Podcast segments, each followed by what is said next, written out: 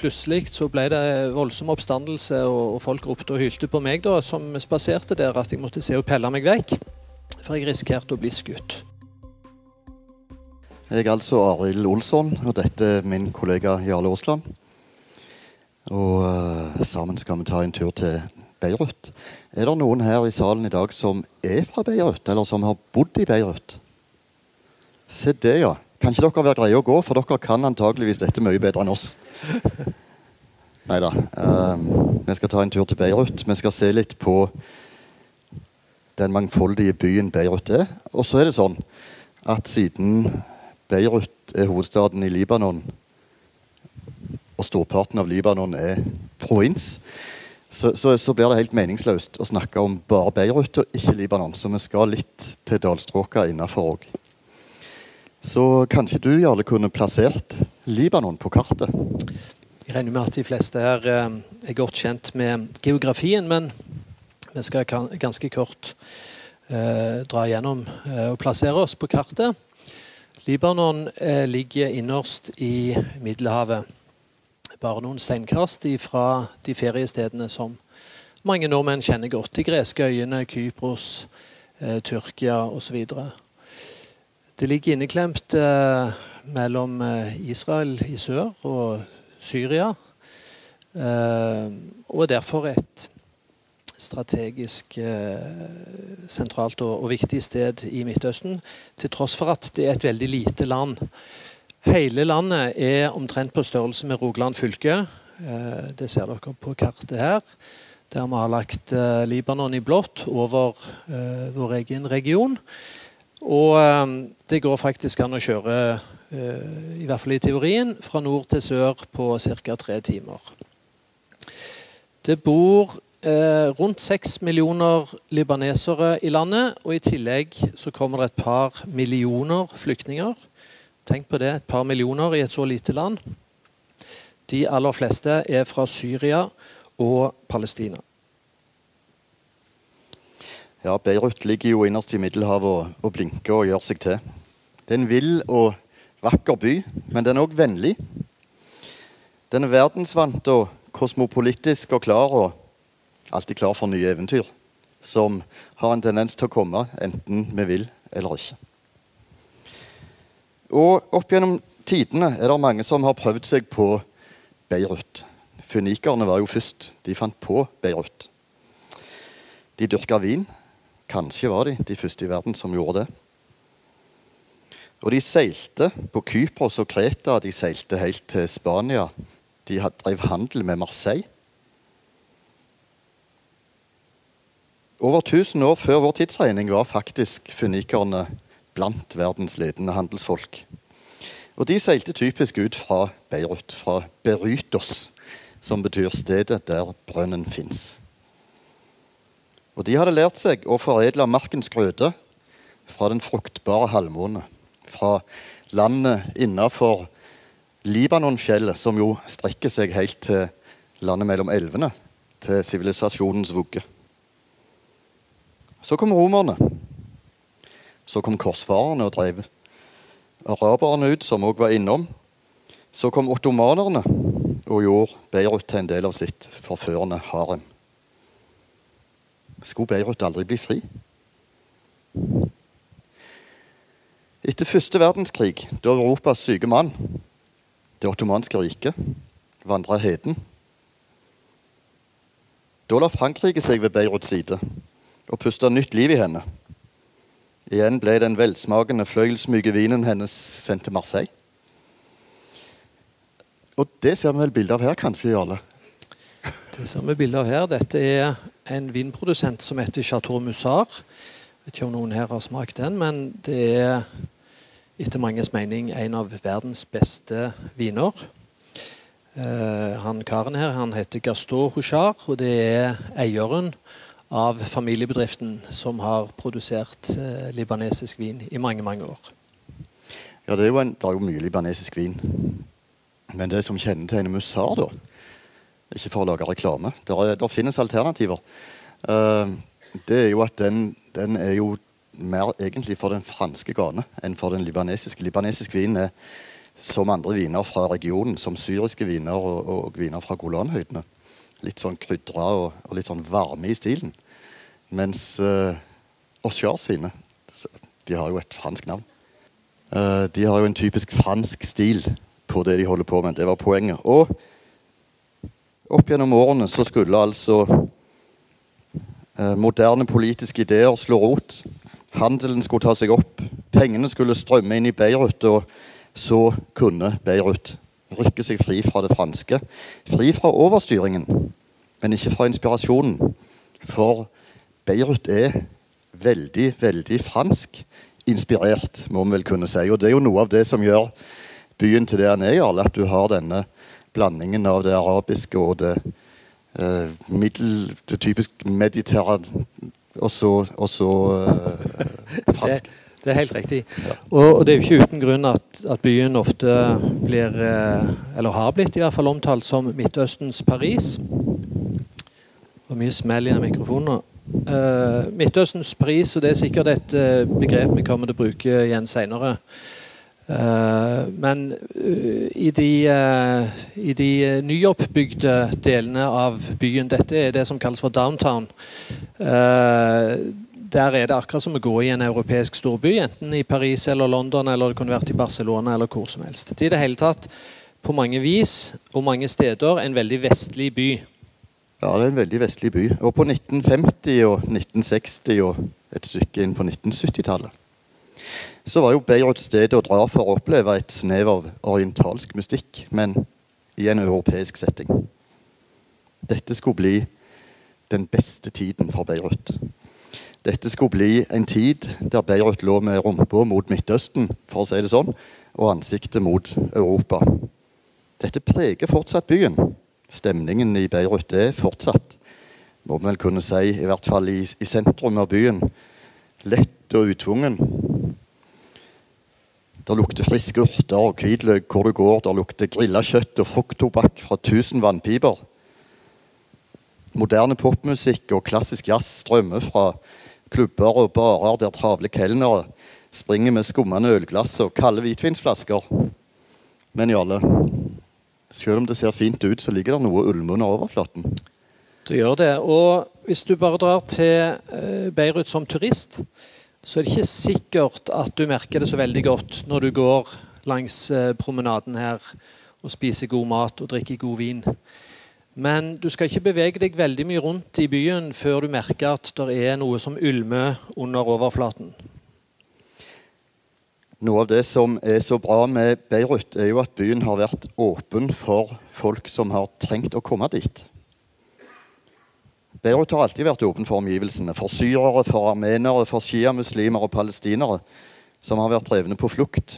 Som har vært herja av folkemord, av krig eller av nød. Og det setter sitt preg på byen på alle vis. Her kom folk. Her fant de frihet. Her fant de det som lenge var en trygg havn. Og det er jo fint, da. Det er en eh, fantastisk flott by eh, ved Middelhavet. Du kan sitte på disse restaurantene nede med sjøen. Spise et bedre måltid med fiskemat. Og eh, ja, det, det, er utrolig flott. og Det er en by som du fort blir glad i, må vi vel kunne si. Men så er det en skjør balanse, da. Og det må jo òg være lov å si at selv om ting er fint på overflaten, så er det store sosiale og økonomiske problemer for veldig mange av innbyggerne. Det er en by med store ulikheter. Og dermed er det òg en by med ganske mye frykt.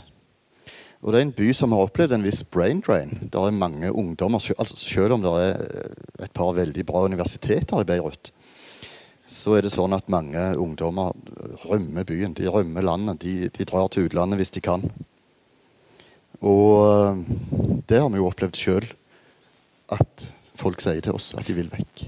Absolutt. Veldig mange av de vi snakker med av unge folk vi snakker med i Beirut, de forteller at de egentlig drømmer om å flytte til Europa, flytte til USA, flytte til andre steder. Disse jentene her som vi møtte for eh, et par år siden, vi var ute og lagde en, en reportasje som handler om akkurat dette, de sier ta oss, ta oss med. Ta oss med til Norge. Ta oss vekk herfra. De ønsker ikke lenger å være brikker i stormaktenes spill. Og da skal vi til, skal vi til det som vi tidligere kalte for dalstråka innafor. Fordi at når vi setter oss i bilen i Beirut og kjører ut av byen, så kjører vi oppover og oppover og oppover. Beirut ligger jo med fjellene bak seg. Og noen av de høye Libanon-fjellene har jo ofte snø til ja, I don't know til langt på vår og sommer i hvert fall. Eh, kanskje noen ganger hele året, for alt jeg vet. Jeg Kan jeg være kvitt på toppene. Så kjører du oppover og innover, og så eh, plutselig så breier denne enorme dalen seg ut. Og det er Bekardalen. Og eh, Bekardalen ligger kanskje en time og halvannen, noe sånn. Kommer litt an på hvor du skal, kanskje. Fra, fra Beirut sentrum. Kommer òg litt an på rushtrafikken i Beirut. Så det er et sted vi må innom. For når sønnavinden setter fart opp gjennom Bekadalen, da er det hveten som veier lekent i den milde brisen. Da står vi faktisk på det stedet der Midtøstens mesebor henter sitt rikholdige innhold. Der det dyrkes rødløk og squash og salat og kål og gulrot og aubergine og tomater, agurk og geitost og oliven og kjøtt fra storfe og småfe og druer som skal bli til vin, til vin, og ikke minst alt dette kornet som står og veier i vinden, og som skal bli til brød. Og Hvorfor i all verden viser vi disse bildene av det? Jo, det er fordi at dette er Bekadalen, og Bekadalen metter hele Libanon, hele Beirut. Og midt oppi dette overdådige koldtbordet, der går det nesten én million mennesker og er sultne. Det er flyktningene som har rømt hjemmene sine pga. borgerkrigen i Syria. Og som han vi snakket med, dere husker han, læreren fra Raqqa Selv om kamphandlingene ikke er like ille mange steder som de var, så er kanskje de som nå står i de byene folk kom fra, og som til dels ligger i ruiner, så er det hele av en sånn karakter at det er utrygt å reise hjem. Enten fordi at du har vært regimekritiker, og nå er det regimet som holder byen. Eller fordi at du er araber, og nå er det kurderne som holder byen. Så usikkerheten er så stor, og faren er så stor, oppleves i hvert fall som så stor, at de aller fleste flyktningene, akkurat som flyktninger til Europa, de er fortsatt i, uh, i Beirut. Der de typisk bor i Bekadalen. Det er aldri kjekt å se barn som har det vondt, Jarle. Nei, det er, jo, eh, det er jo, noe av det vanskeligste med, med, den jobben vi har. Det er jo å møte disse menneskene. og Vi har unger sjøl, og vi har familie. og eh, det, det gjør et veldig inntrykk. Um, og så er det jo sånn at Disse flyktningene i, i Libanon Arild, de får jo heller ikke lov å jobbe lovlig. Så det er jo en stor, svart økonomi. Og det er det jo utgangspunktet òg blant libanesere, men så kommer flyktningene på toppen av alt. Ja. Og det er jo et land som er preget av vannstyre og et, et dysfunksjonelt statsapparat. Det skal vi jo komme litt tilbake til. Ja, men dette gjør jo at mange libanesere frykter litt for framtida. Det legger altså ytterligere stein til byrden, da. De sørger for at flyktningene får mat og vann og strøm. Men de ser jo at dette begynner å bli knapphetsgoder. Da. Strømmen i Beirut, den kommer og går. Og selv om flyktningen eh, altså ikke får lov å ta seg arbeid, så, så, tilbyr de arbeidskraft i et svart arbeidsmarked, som da selvfølgelig noen velger å benytte seg av. Og så er det faktisk også sånn at kriminaliteten stiger. Ja. Det, det, er, det, er, mye kriminalitet, det skal vi òg komme litt tilbake til. Men disse bildene her fra Bukadalen det er jo sånn som vi gjerne tenker på, på flyktninger og flyktningleirer. og sånt. Det begynner som improviserte teltleirer oppe i fjellene. Og så etter hvert så uh, tar folk seg inn til byen. Ja, Folk vil jo mye heller bo i Beirut enn uh, en i et improvisert telt oppe i Bekadalen, så klart. Og da får vi denne situasjonen. Beirut er jo en by som er skal ikke si full av, men som har mange uh, bygninger som uh, kunne hatt godt av bitte litt vedlikehold. skal ikke si at alt står til nedfalls heller, for det gjør det ikke. Men, men det er en del falleferdige gamle boligblokker. Det er jo typisk et sted hvor flyktninger da flytter inn, sånn som her. Dette er syriske krigsflyktninger i en gammel boligblokk midt i Beirut sentrum. Men eh, du Jarle, disse flyktningene fra Syria de er jo ikke de eneste flyktningene. Det er ikke det. For det er jo eh, rundt det er en halv million flyktninger ja. som kommer fra Palestina, eh, som ligger da i dagens Israel, det vi kjenner som Israel. Og eh, nå skal vi hilse på eh, en av de yngre av disse. Dette er lille Nasma. Hun er siddis. Og hun er siddis. Kanskje noen av dere kjenner denne historien. Men eh, Nasma er altså født i Stavanger. Men ble altså dømt til å vokse opp i flyktningleiren Shatila. Hun ble født på universitetssykehuset i Stavanger, men kom til å falle mellom alle stoler. Fordi henne, foreldrene hennes er statsløse palestinske flyktninger. De bodde på asylmottak i Stavanger når de fikk datteren men ble altså sendt tilbake til Libanon av norske myndigheter. Og eh, det skapte jo bitte litt reaksjoner når de kom tilbake til Libanon. Ja, fordi at de eneste papirene lille Nasma hadde, det var disse. Fra kongeriket Norge. Der det står at hun er født i Stavanger på eh, Stavanger universitetssykehus. Og eh, når kommer, familien kommer på flyplassen i Beirut, så uh, får de beskjed av vaktene der at dere må ta med den norske datteren deres der dere kommer fra. Og det var jo fra Norge. Men det kunne de ikke, for de var utvist fra Norge og sendt tilbake til, til Libanon. Så her har de havna i en skikkelig skvis. Det hører òg med til historien at de aksepterte å bli sendt ut. Men det som er problemet da for statsløse, og det som er FNs meninger om statsløse barn som blir født i et land, det er at de skal ha statsborgerskap i det landet de blir født. Norge anerkjenner ikke det. Og de anerkjenner dermed ikke NASMA som norsk. Selv om de papirene vi så, er de eneste papirene som forteller hvor hun på en måte kommer fra. Altså fra Stavanger. Og det er jo på en måte dette som er flyktningens lodd. Det å ikke høre til noe sted.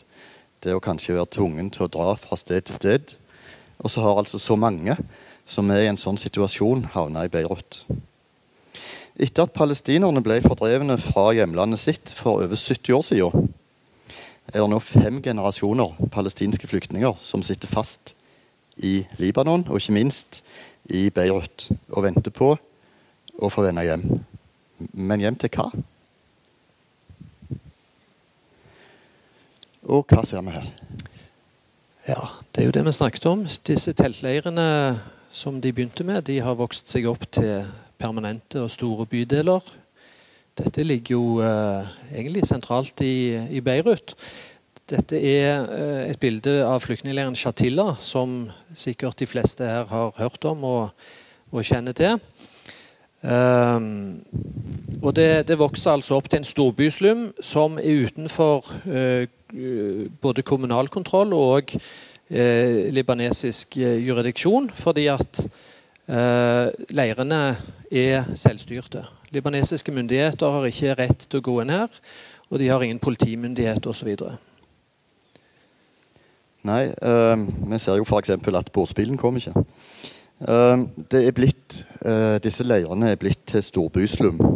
Og de har selvfølgelig tiltrukket seg andre folk òg enn de opprinnelige palestinske flyktningene. først og fremst er det i dag veldig mange syriske flyktninger òg i leirene. Men det er òg en del kriminelle. Dette er et sted hvor politiet ikke går inn, så du kan skjule deg her. Dette er et sted mye, der det er mye skytevåpen og der det òg er en omfattende narkotikahandel.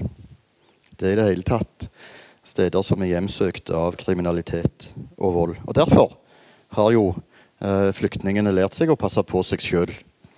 de har uh, danna militser.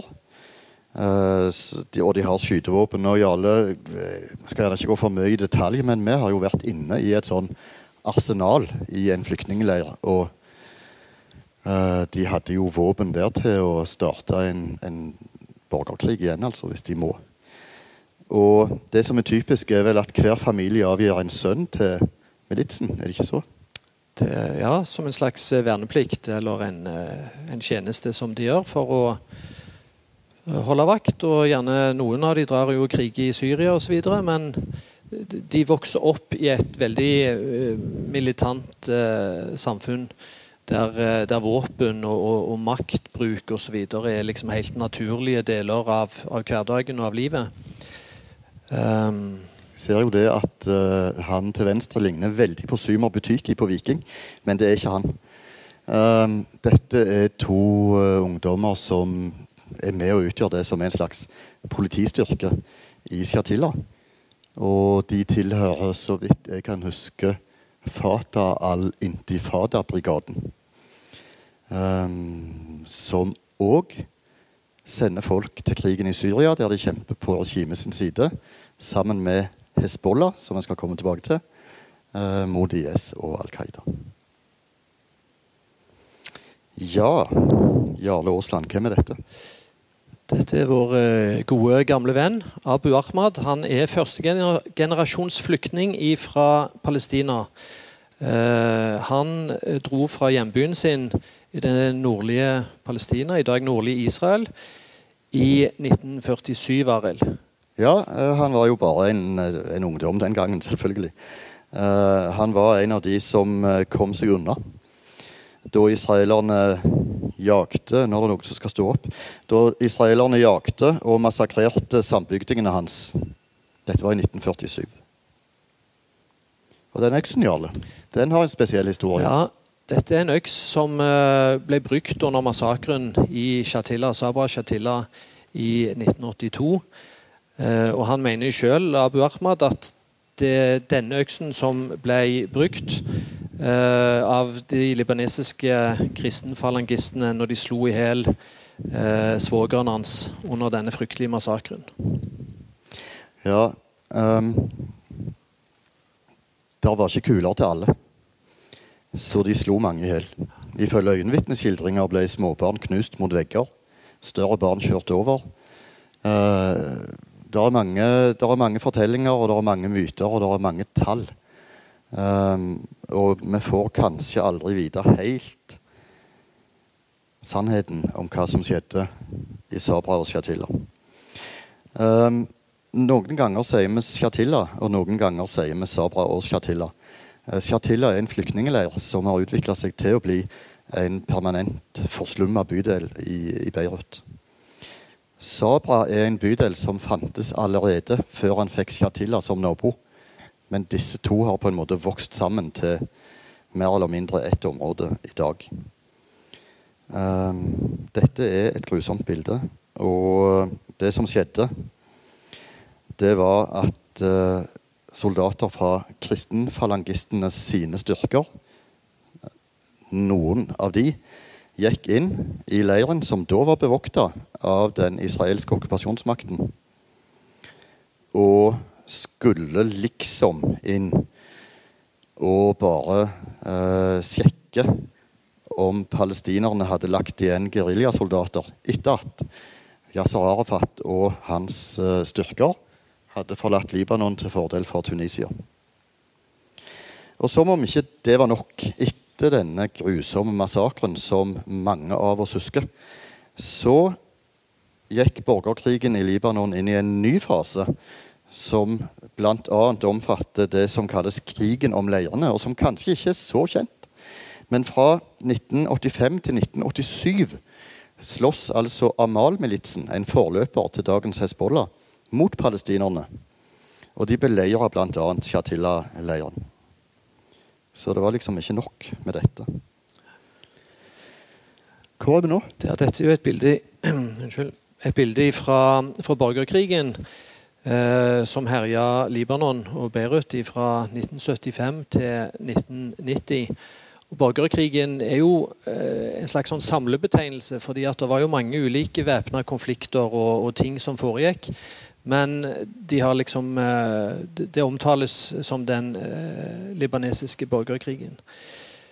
Det var jo en, en kriger som ble piska fram eh, og, ja. og, og, drevet av både israelsk og palestinsk aggresjon. Ja. Men som òg ble noe mer. Det ble jo et uttrykk for noe, noe, større. Ja.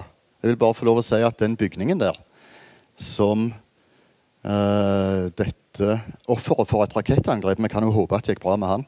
Bæres ut fra. Det er den bygningen som eh, det såkalte Beirut-kontoret til Aftenbladet faktisk befinner seg i. Det er derfor vi har med det bildet. Ja, Borgerkrigen den rev jo Beirut uh, i stykker, den. Uh, og den utvikla seg til å bli en stedfortrederkrig uh, mellom USA og Frankrike på en måte på den ene siden og Sovjetunionen på den andre.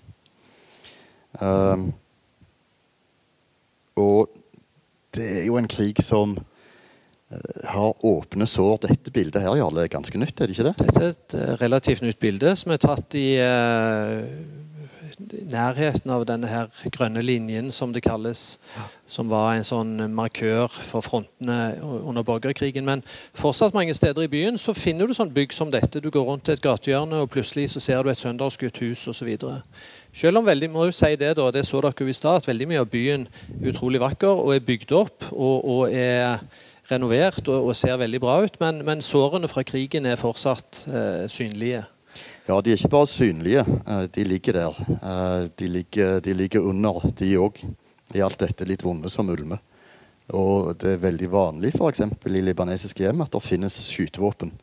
Folk er liksom ikke helt trygge. Og borgerkrigen, bare for å si det eh, De underviser ikke om den i skoleverket. De vil ikke snakke høyt om den den dag i dag. 30 år etter. Og nå må vi litt inn på det politiske systemet i Libanon. Eh, vi må prøve å gjøre det enkelt, så vi skal ikke gå for mye i detalj. Men Libanon har altså et såkalt konfesjonelt politisk system. Det er et demokrati, for all del. Israel ynder å kalle seg Midtøstens eneste demokrati. Eh, det er bullshit. Men uh, makten i Libanon er fordelt etter et sektorisk mønster det har vært sånn lenge, men i dag funker det sånn fordi at det er en reell frykt for at en valgtaper skal starte en ny aggresjon som kan bli til en ny borgerkrig. Hvilket jo òg er litt rart, for det, at det er en viss aggresjon stort sett hele tiden. Um, men det som er poenget, er at hver trosretning, hver folkegruppe, skal ha en hånd på rattet uten egentlig å måtte kjempe for å ha den styringsretten. Dermed er den demokratiske konkurransen, som ethvert valg egentlig er, eh, plassert innenfor et forhåndsdefinert identitetssegregerende mønster som gjør at de forskjellige trosretningene og folkegruppene dermed konkurrerer mot seg sjøl, først og fremst. Og altså ikke mot hverandre. Valget er altså, Valgene i Libanon er typisk intersekteriske demokratiske konkurranser. Men noen ganger går det fryktelig galt, og det har det vel kanskje gjort her. Det må vi kunne anta.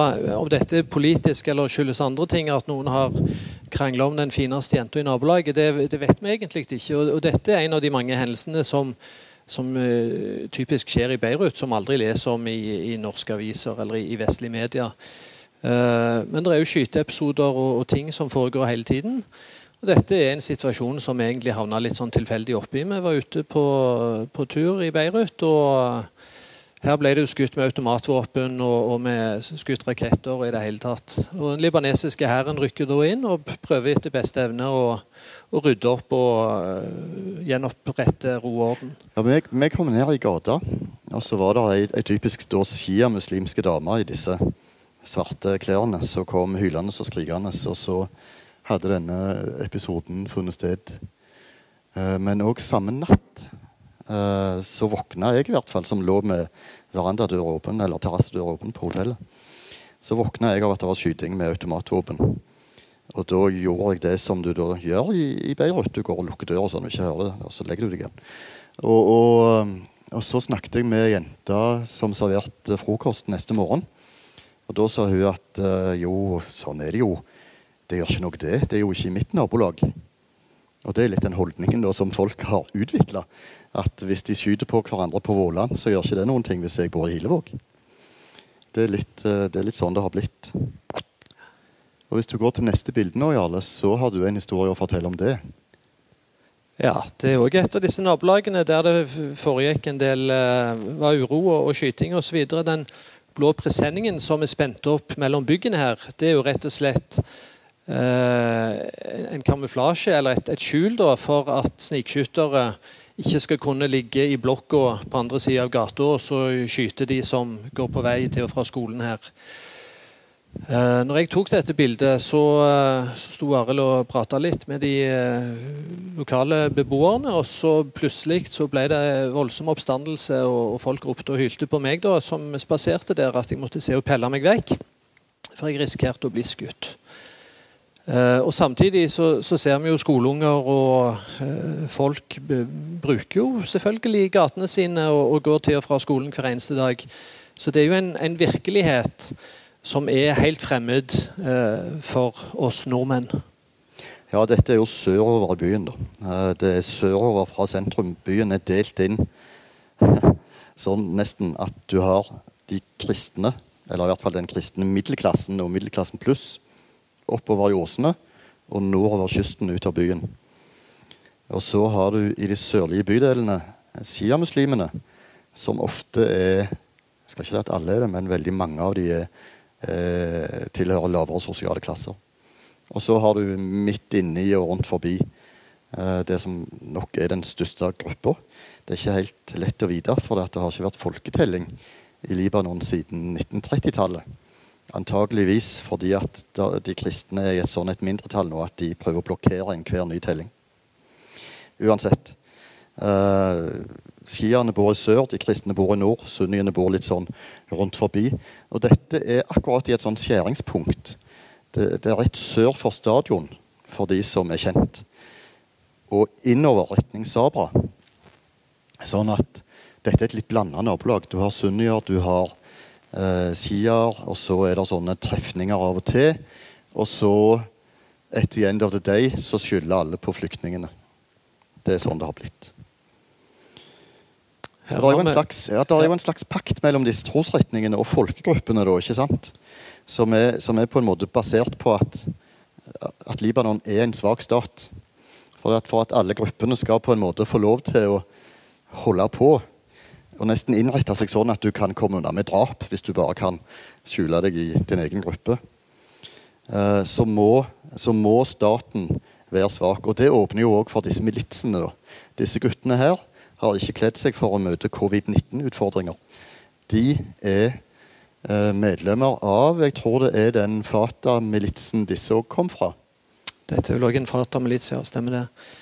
For er en flyktningleir som heter Burj al-Brashni. Uh, og jeg vet ikke om den faktisk er større enn Shatila. Det tror jo, det jeg muligens han er. Men den er ikke så godt kjent da, eh, her hjemme. Men eh, disse her to karene her de eh, sa seg da villige til å møte oss mot at de ikke kunne bli gjenkjent og identifisert osv. Det, det er da to palestinske flyktninger som eh, slåss i krigen i Syria. Og igjen da, så kommer vi hele tida tilbake til dette med at alle har våpen, en veldig militarisert kultur. Eh, en, en, veldig voldskultur på mange vis. Ja, det er jo denne, denne skjøre maktbalansen, da. Som er, har det vist seg praktisk talt umulig å utfordre på et skikkelig og demokratisk vis. Og noe som er et resultat av det, er jo at du har fått denne gjøkungen i, i, det sørlige Libanon, i Bekardalen, og i de sørlige bydelene i Beirut. Den gjøkungen heter Hezbollah, som betyr Guds parti. Og Sørover i Beirut, inn i de trange gatene som UDs reiseråd forresten advarer mot. Uh, der står de sandfarga murbygningene tett. De står smalt. De står høyt. Og de gule Hezbollah-flaggene vaier fra lyktestolpene. Trafikken er kaotisk. Det er et livsfarlig værvær av biler og motorsykler og fotgjengere. Alle skal liksom til alle kanter på en gang, og det, det er faktisk plutselig veldig veldig arabisk, på en måte. Det, det, det ligner mer på Amman og på uh, Gaza for den saks skyld, eller Hebron, enn på resten av, uh, av Beirut. Og uh, det er lyder. Det er støy. Det lukter eksos. Det lukter steikos for det der er gatekjøkkener overalt. Og folk er kanskje litt skeptiske til sånne som kommer utenfra. Det er veldig vanskelig å få folk i tale. Og det er i hvert fall veldig veldig vanskelig å snakke om, for å ta det på norsk, Guds parti. Dette er syv kilometer ut av Beirut sentrum. Og det er ikke Libanon lenger, det er Hezbollah-staden. Praktisk talt alle innbyggerne i de sørlige hovedstadene er sjiamuslimer. Det laveste sosiale laget i det libanesiske samfunnet på mange måter en pariakaste som ikke er helt anerkjent som libanesere av sine landsmenn. Og som kanskje ikke helt og holdent vil være det sjøl heller, før kanskje de siste årene. Sjiamuslimene har blitt jaga av israelske invasjoner i 1978 og i 1982. I 2006 ble de jo bomba langt opp gjennom Bekadalen, dypt inn i gatene i Beirut Og egentlig så er jo Hezbollah en del av den iranske utenrikspolitikken. Dette er et uh, Teheran-påfunn som er finansiert av regimet i Iran. Og er egentlig et forsøk på å spre den islamske revolusjonen. Men de har en viss leg legitimitet i Libanon fordi at de er en uttalt fiende av Israel, som jo er en fiende. Så det er noe med det at fiendens fiende er din venn. I tillegg til det så gjør Hezbollah mye godt for fattigfolk i Beirut. I store deler av byen er det jo en vannforsyning som er skandaløs. Og Hezbollah kjører rundt tankbiler med friskt vann. Hezbollah har skoler, klinikker, moskeer. De hjelper folk. Men så hjelper de de egentlig ikke. De hjelper ikke folk sånn at de får et økonomisk eller sosialt løft. De hjelper bare folk til å holde det gående på det nivået de er. Så det kan diskuteres hvor mye godt som kommer ut av det.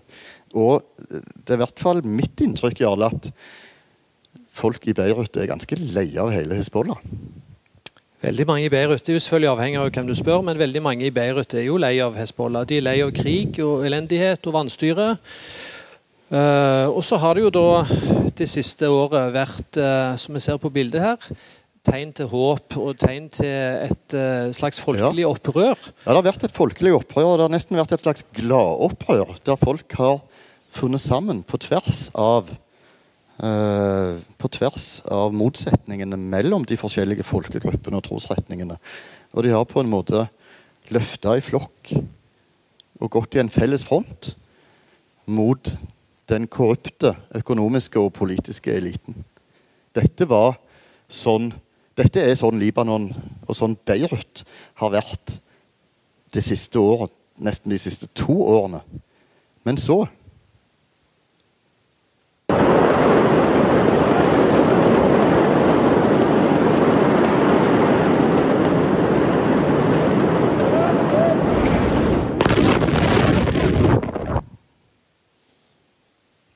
Og det var det vi hadde på hjertet.